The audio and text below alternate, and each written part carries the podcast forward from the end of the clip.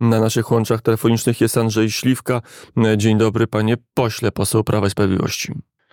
Dzień dobry panie redaktorze, dzień dobry państwu. Wczoraj był pan razem z grupą innych posłów PiSu w Ministerstwie Kultury na kontroli posels poselskiej. Był minister Sienkiewicz, spotkał się z wami szef resortu? Panie redaktorze, szanowni państwo, byliśmy w Ministerstwie Kultury i Dziedzictwa Narodowego. E, wiedzieliśmy, widzieliśmy, że jest pan minister Sienkiewicz. Niestety pan minister Sienkiewicz nie miał odwagi, żeby wyjść do nas i porozmawiać z nami. E, przyszliśmy spytać się i uzyskać dokumenty związane ze zmianami w mediach publicznych.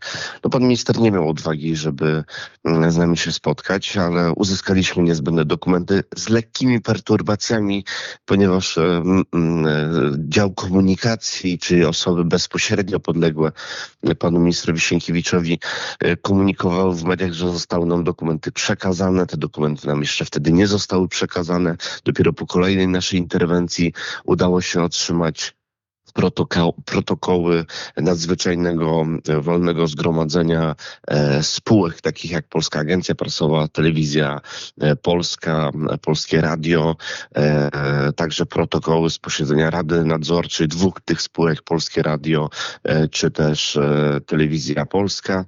No też czekamy na dalszy zestaw dokumentów, bo zgodnie z ustawą ministerstwo ma czas, żeby przygotować a jakie dokumenty, dokumenty dostaliście Państwo?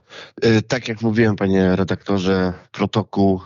Zależało nam, żeby otrzymać e, dokument w postaci aktu notarialnego, e, protokołu nadzwyczajnego wolnego zgromadzenia.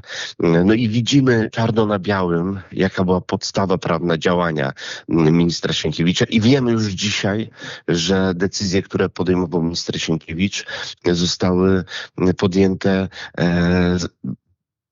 poprzez działanie w trybie kodeksu spółek handlowych i już wiemy dzisiaj, że było to działanie sprzeczne z prawem, z nieposzanowaniem ustawy o Radzie Mediów Narodowych, sprzeczne z ustawą o zasadach zarządzania mieniem państwowym.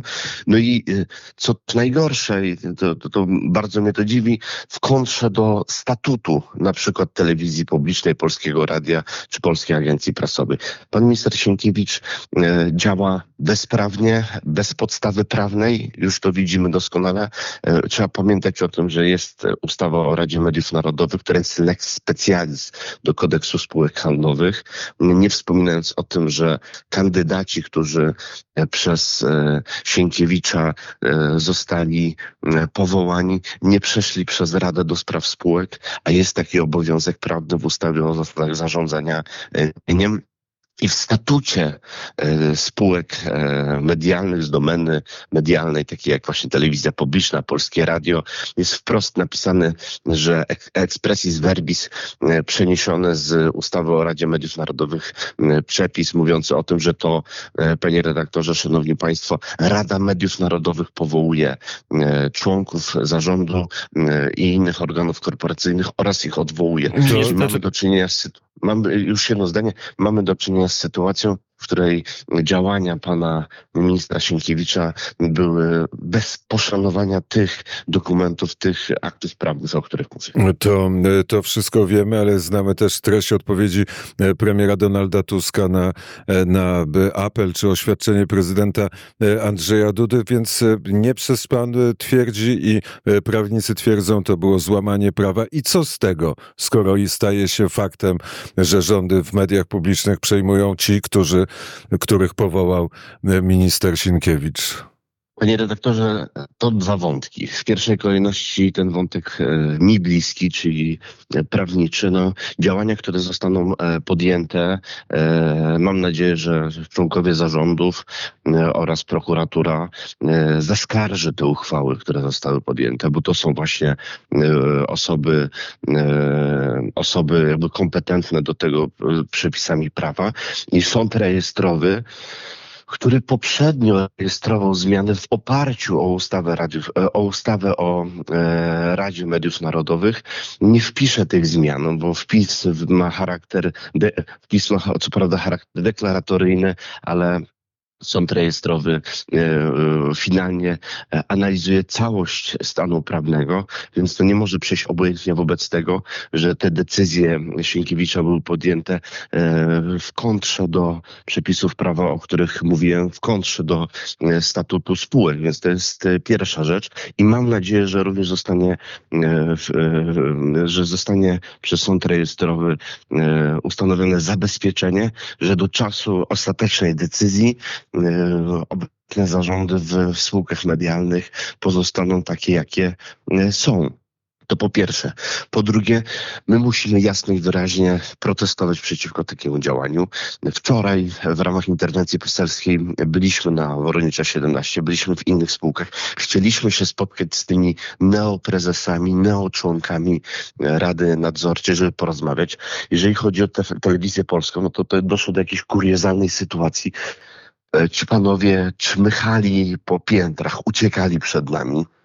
My chcieliśmy się spotkać i merytorycznie porozmawiać na argumenty prawne, e, co tu się stało.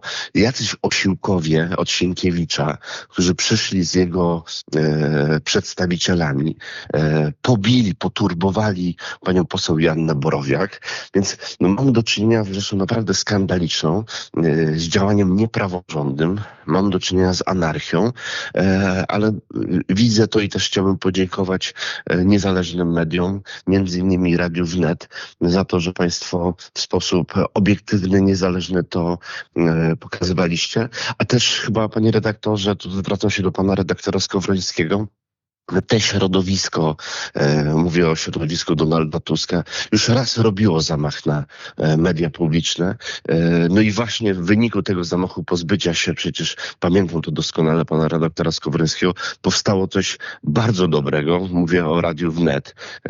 Więc patrząc na to, panie redaktorze, no, mam nadzieję, że osoby, na którym zależy wolność słowa, wolność mediów, wolność wymiany poglądów, będą jasno i wyraźnie protestowały przeciwko działaniu, które zostały podjęte przez pułkownika Piękiewicza, bo to są najgorsze wzorce. To są wzorce właśnie z początku e, 2007, dwa, przepraszam, 2008 roku, 2009 roku, kiedy Donald Tusk czyścił media publiczne, żeby zrobić, e, żeby domknąć ten system medialny.